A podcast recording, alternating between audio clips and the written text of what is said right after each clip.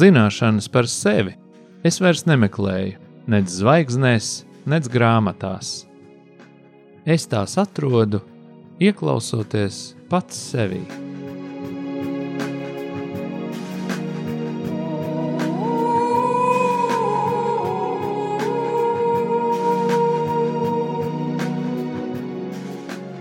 Raidījums Mīlestības terapija top mīlestības mājai, sadarbojoties ar profesionālo pastorālās konsultēšanas asociāciju.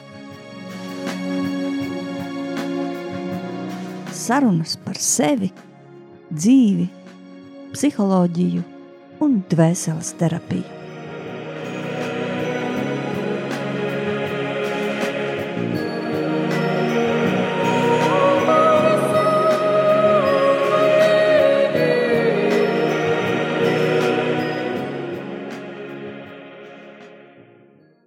Labvakar, mīļie radioklausītāji!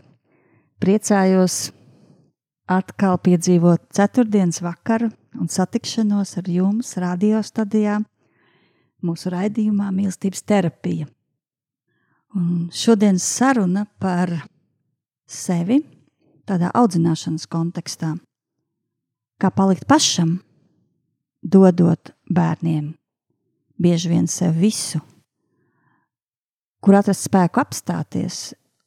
Varbūt dzīve pati mums šādas apstāšanās piedāvā, un tad kā nepaskrietām garām. Mana sarunu biedrene šovakar ir mūsu mīlestības mājas skolotāja Agate. Var stādīties mazliet priekšā. Labvakar! Es esmu Agate un strādāju skolā ar 1 līdz 3 klasītēm bet man pašai ir pieci bērni, kuriem es teikšu, ka īpašas man dāvanas no debesīm ir trīs bērni, caur kuriem es ļoti, ļoti mācījos sevi ieskatīties un, un arī apstāties, jo viņi varētu teikt, piespieda mani. Piespieda vairāk sevi meklēt, vairāk arī meklēt palīdzību ārpusē. Jā, nu bērni kā tāds transformēšanās ceļa pagrūdiena punkts sievietē. Tas, tas varētu būt tāds aktuāls punkts sievietē, katrai sievietē. Man arī ir četri bērni, un man liekas, ka katrs, katrs bērns ir atnesis kādu jaunu terapeitisku nokrāsu manā dzīvē. Es teiktu, ka principā tas īstais transformēšanās un terapeitiskais ceļš man sākās arī tieši caur bērniem. Jo, laikam, bērns ir kaut kas sievietē, kas ir ļoti, ļoti tuvu. Un kaut kas, no kā tu nevari aizmukt. Un tad tur nākas piedzīvot kaut ko ļoti dziļu, un tajā dziļumā meklēt sevi. Citreiz brūcē, citreiz traumā, caur to atrodot resursus un mācoties sāpīgo pārvērst skaistajā. Un varbūt tas tā viegli skan, bet tā ir īsta dzīve. Tur ved mūsu, mūsu bērni. Jā, Es kļuvu par māmiņu 21 gada vecumā, un um, es atceros to mirkli, kad es ar savu bērnu, kuram varbūt pusgadiņš bija, sēdēju uz grīdas un sajūtu, ka man vispār nav spēka nekam. Un īsti nesapratu, es toreiz arī studēju, studēju pedagoģiju, un um, bija arī mūsu psiholoģija, un bija materiāli par depresiju.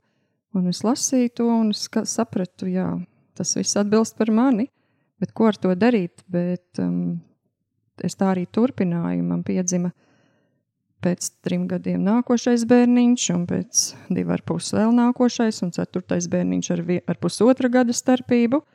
Un es biju tajā dzīves ritenī tik ļoti, kad um, nu, man nebija laika apstāties. Man nebija laika par priekš sevis. Un, tad bija tāds punkts, varbūt tāds salūzuma punkts. Es atceros tos mirkļus, kad maniem bērniem kaut kas notika. Nokrita viens bērns no trepēm un stipri sadauzīja galvu, asinis gāžās no galvas, un es vienkārši nereaģēju nekā. Man nav nekādu emociju. Es vienkārši sēžu truli un, jā, mierīgi kaut ko tur daru, darbojos, aiz, apkopju viņu, bet pilnīgi bez emocijām. Un tā es sapratu, ka kaut kas nav labi, ka kaut kas nav kārtībā ar mani. Jo tieši tad, kad kādas problēmas nonā, bija manā dzīvē, ar vīru arī negāja gludi, tad es piefiksēju to, ka es vienkārši sēžu divānā un skatos tālumā vienā punktā. Un tad man, tas man lika domāt, ka man vajag meklēt palīdzību. Un es esmu ticīgs cilvēks, un es meklēju baznīcā kādus padomdevējus un, un stāstīju par visām savām problēmām, kamēr mans ceļš aizved uz iekšējo dziedināšanu. Un bija tad mana apstāšanās, tāda tā kā pauze. Manam jaunākajam bērnam bija četri gadi, un es sāku ļoti, ļoti, ļoti intensīvi sevi meklēt. Es gāju uz visādiem semināriem, es gāju uz kursiem, apmācījos eh, iekšējās dziedināšanas kalpošanā.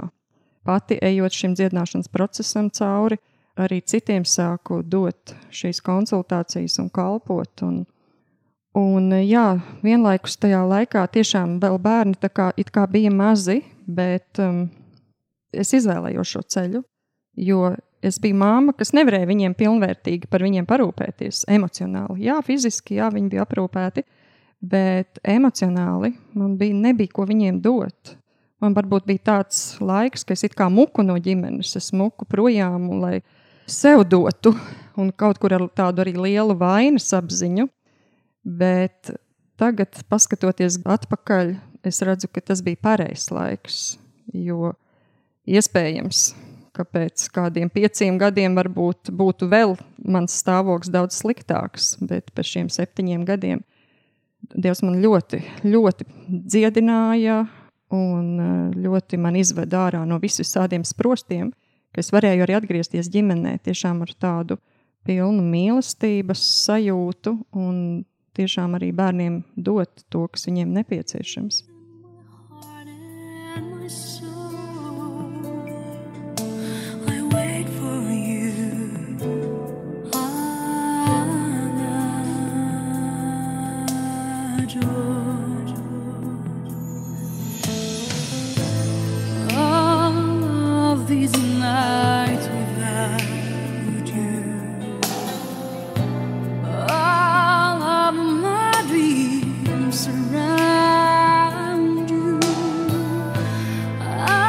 see.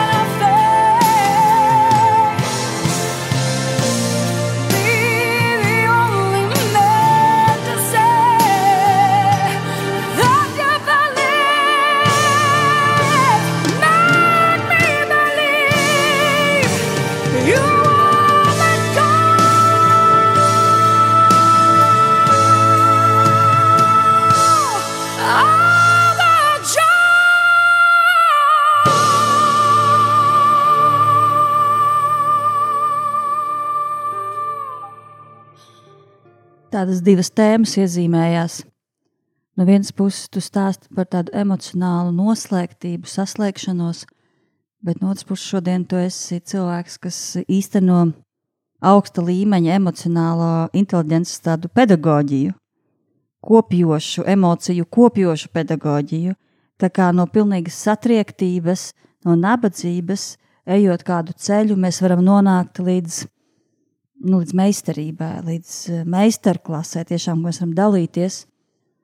Un otra lieta, kas man likās svarīga, es domāju, ja tev toreiz būtu kāds blakus cilvēks nostājies, ka tev bija ļoti grūti un pateicis, nu, pamācījis šo pauzi paņemt. Tā kā atļāvis pat reiz, nu, kāpēc vainas sajūta, jo ir kaut kāda tāda iekšēja kontrola, tāda neļaušana.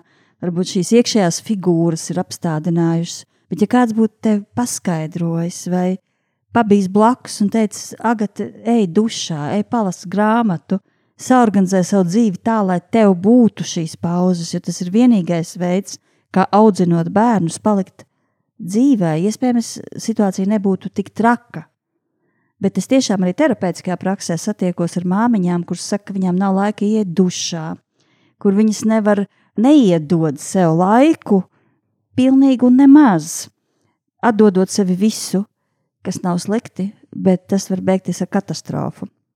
Mēs mīlestības mājā arī ļoti mācāmies šo ētiku, jo mīlestības mājā uh, ir brīnišķīga māja, kur dzīvo un strādā fantastiski cilvēki, kur atdod sev visu, tad mums arī nākas rakstīt darba pienākumos vadītājiem kafijas pauze, pabūšana vienam 15-20 minūtes ir obligāta prasība.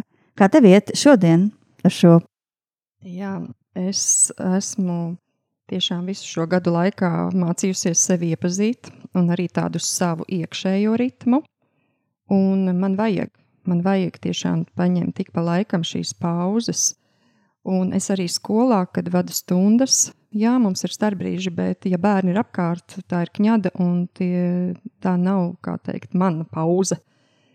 Un e, es esmu mācījusies, bet, protams, no kļūdām, kad ir vienkārši pārdeg un vairāk nav spēka un nav enerģijas, kad ir svarīgi paņemt, paņemt kad mana galva, kā teikt, man viņa, viņa signalizē, vienkārši signalizē, kad ir nepieciešams paņemt šo pauzīti.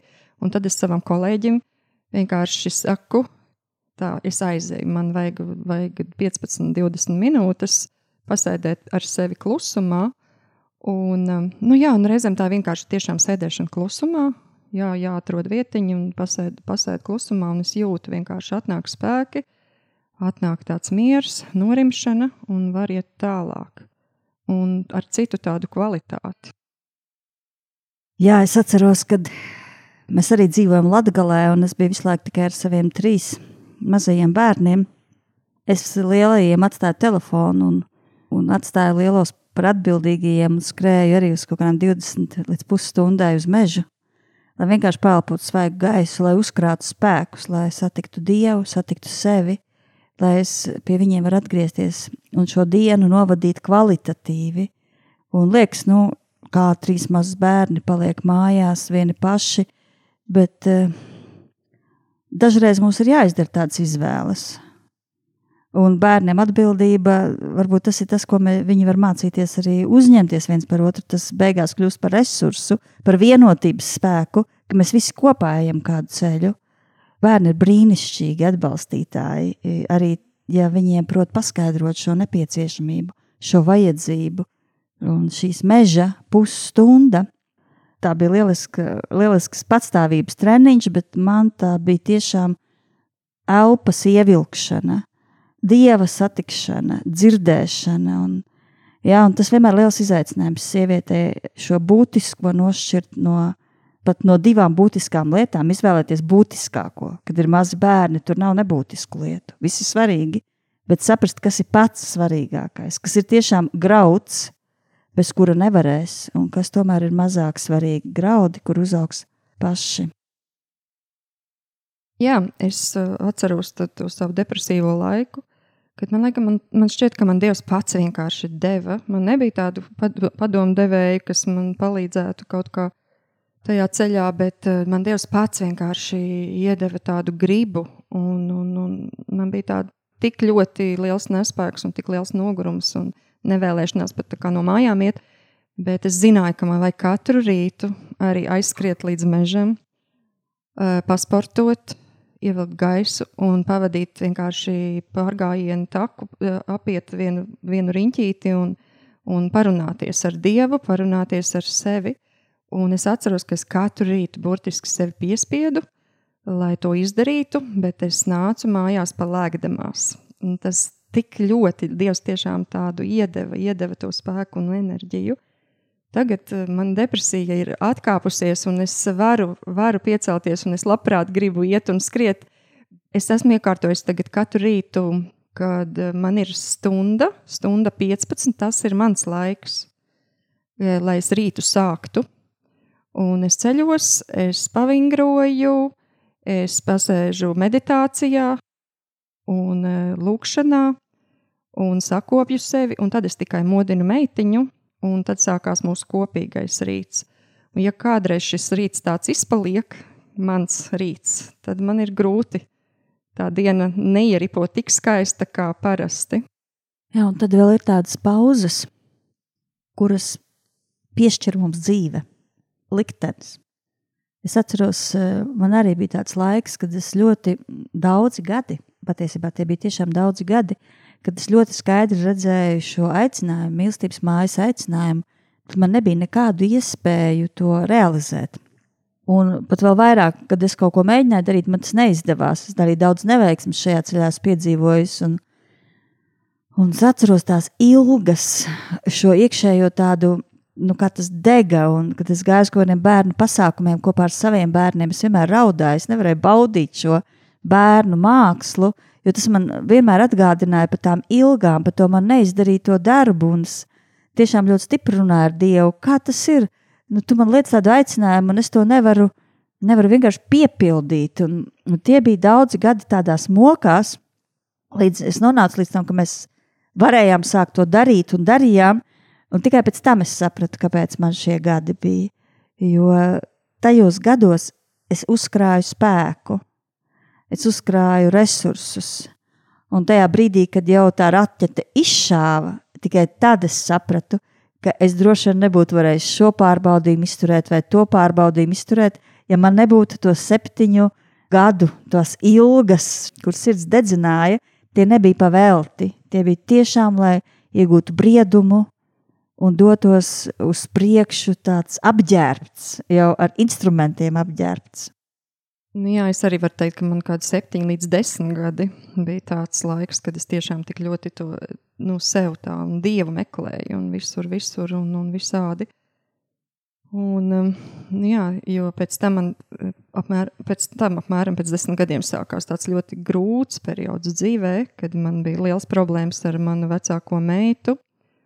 Un, un tas paņēma visu manu enerģiju, manu spēku un to, ko es arī biju uzkrājusi. Tās zināšanas, ko es biju uzkrājusi, tā bija tā tāda prakse, nu, tāds rīktīgi liels pārbaudījums. Un es zinu, ka es viņu ļoti labi izgāju cauri, jo mana meita bija vairāk kārtīgi uz uh, nāves robežas, pati to izvēloties, bet um, patreiz viņa ir tiešām stabils cilvēks Un es zinu, ka viņa ar to, ko es viņai varēju dot, ko Dievs caur mani viņai deva, un arī caur citiem cilvēkiem, jo arī bija jāiesaista daudzi palīdzības psihologi un, un tā tālāk. Tas bija to vērts. Tas bija to vērts. Arī mana tā pauze, un es atceros vienkārši to vainas sajūtu, kad es tos septiņus, desmit gadus domāju, nu es neesmu ar bērniem tik daudz kopā, cik viņiem vajadzētu. Un, un, un sevi visu laiku šaustīju paralēli tajā, bet um, viennozīmīgi tagad es varu teikt, tas bija to vērts. Jo, jo tagad, jā, kā Ina saka, es esmu arī mīlestības pedagoģijā, kā skolotājs, un tieši emo, kur emocionāla audzināšana ir pamata balsts, un, un ne tikai es dodu arī vecākiem kādus palīdzīgus padomus, kā veidot emocionālas attiecības, veselīgas attiecības ar bērniem. Jā, tas laiks bija par to, lai es varētu būt par svētību priekš citiem. thank you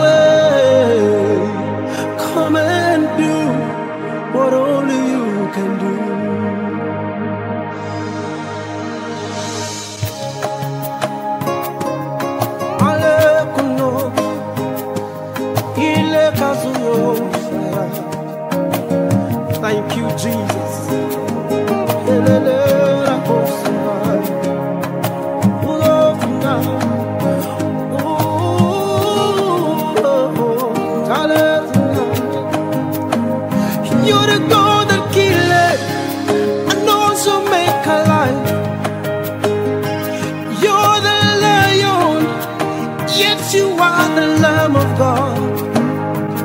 Yahweh.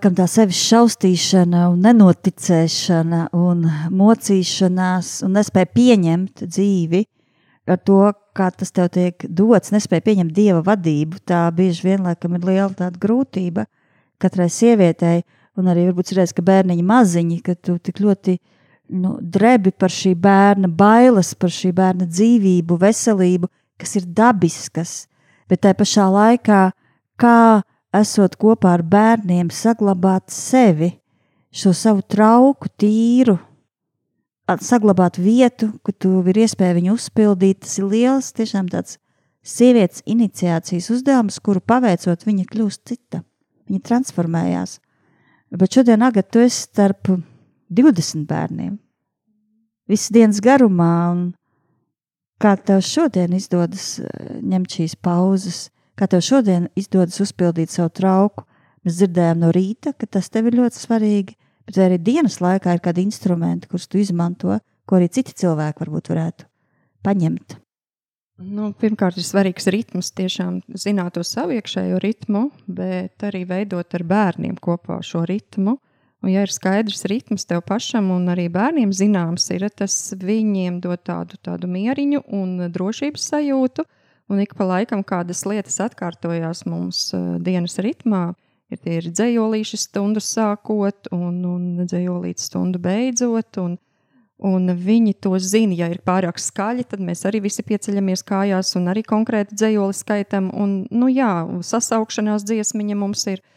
Un e, šie visi tādu tā kā bērni, bērnus tā harmonizē, bērniem paliek kļūt mierīgākiem, bet mums, es arī mācu bērniem ieklausīties, ieklausīties sevī. Man ir daudz tādi uzdevumi dienas laikā, es vienmēr lieku aizvērt acis un pielikt roku pie sirds un ieklausīties. Uzdodu kādu jautājumu, un lai viņi ieklausās savā sirdī, un tad viss apkārt ir tas klusums, un tad tāda norimšana, un, eh, un ir tā, viņi, viņi tiek mācīti, ka tas ir nepieciešams. Nepieciešams tiešām tajā kņadā, tajā burzmā, kas ir ikdienas apkārt, ja, kad, kad tas tāds vērtīgs instruments, ja vērtīgs instruments vienkārši atrast vietiņu, apklust, pat kaut vai apkārt visur ir kņada, apklust un ieklausīties sevī, ko man darīt tālāk. Un, um, nu jā, es vispār pati esmu tāds cilvēks, kas um, vairāk tā kā uz intuīciju uh, procesus visus vada, un man ir svarīgi vienkārši sakontaktēties ar debesīm un saņemt uz to mirkli, ko man dot tālāk, ko man darīt.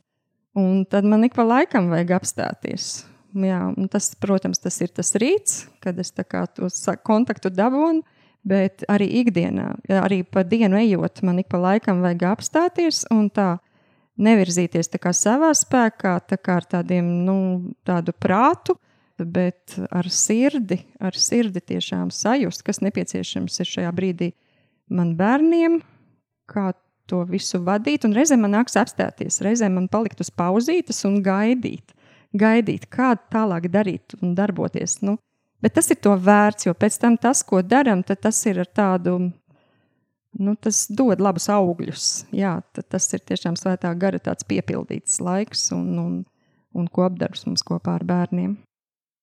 Sanāk tajā brīdī, kad mēs apstājamies ar sevi, tas ir milzīgs resurss. Mēs sajūtam sevi nu, tajā brīdī mēs savienojamies ar spēku sevī, un tad mēs ar, pa jaunam varam doties tālāk. Un šie apstāšanās brīži ir ārkārtīgi svarīgi. Piedāvām šeit neiet runa par milzīgu, ilgu laiku vai mazu laiku. Apstāšanās viņai tāda mūžības vērtība, tur pazūd laiks.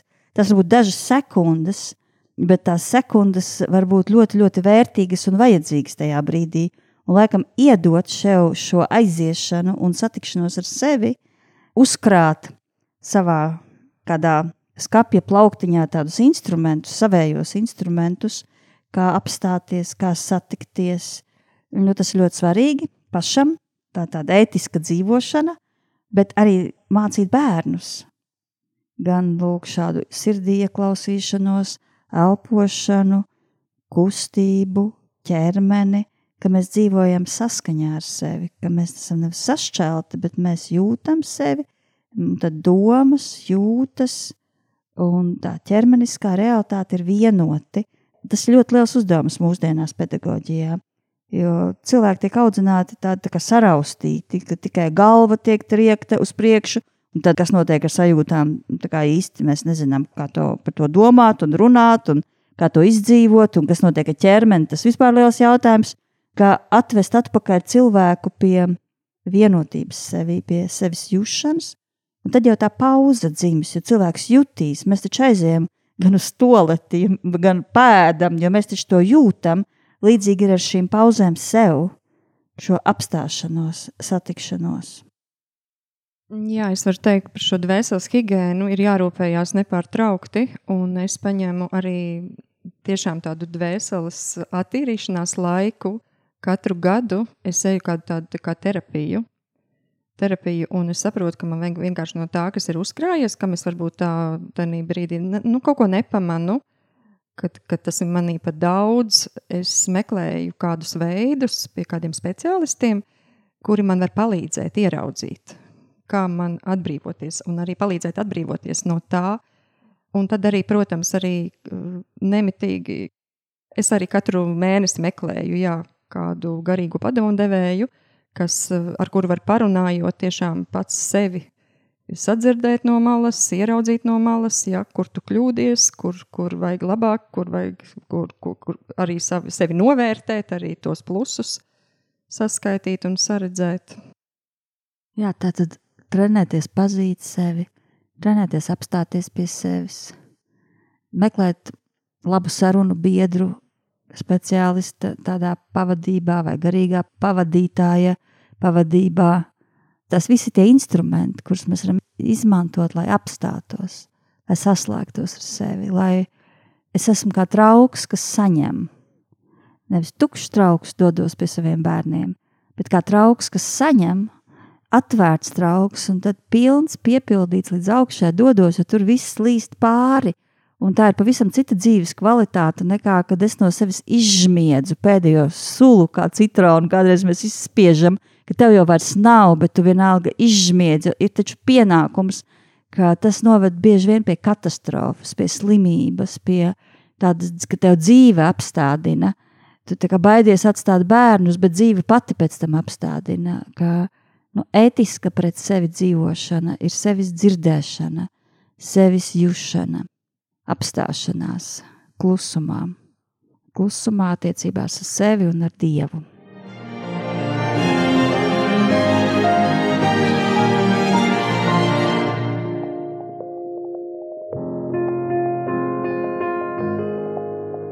Nu, ko, kā ierasts, noslēgsim mūsu sarunu ar lūkšanu, dziļāku lūkšanu par šo satikšanos.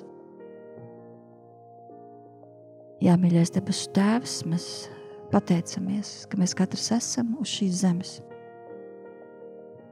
ka mums ir vieta, ka mums ir uzticēti cilvēki,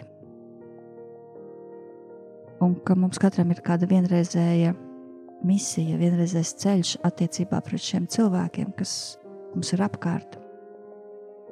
Un pati galvenā misija ir misija mīlēt. Es lūdzu, kungs, palīdzi tagad, šeit, šajā brīdī kļūt par trauku, kas atveras un saņem. Par trauku, kurā līst mīlestība no debesīm. Jo mīlestība nav jāpērk, tai ir jāatverās. Palīdz mums atvērties tagad. Šī mīlestība, kas plūst, atnes atziņu redzējumu, izjūtu par to, kā virzīties tālāk, kā iet uz priekšu šajā kopienā, kurā es esmu, savā ģimenē, savā darba vietā. Lai šī mīlestība ielīst ar idejām, ar redzējumiem, ar atjaunotni un palīdz Tēvs palikt mums atvērtiem uz tavu iedvesmu. Svētītās mūs, svētī katru viņa ceļā, svētī katru ar jaunu satikšanās brīnumu. Dieva tēva, dēla un svētā gara vārdā. Amen!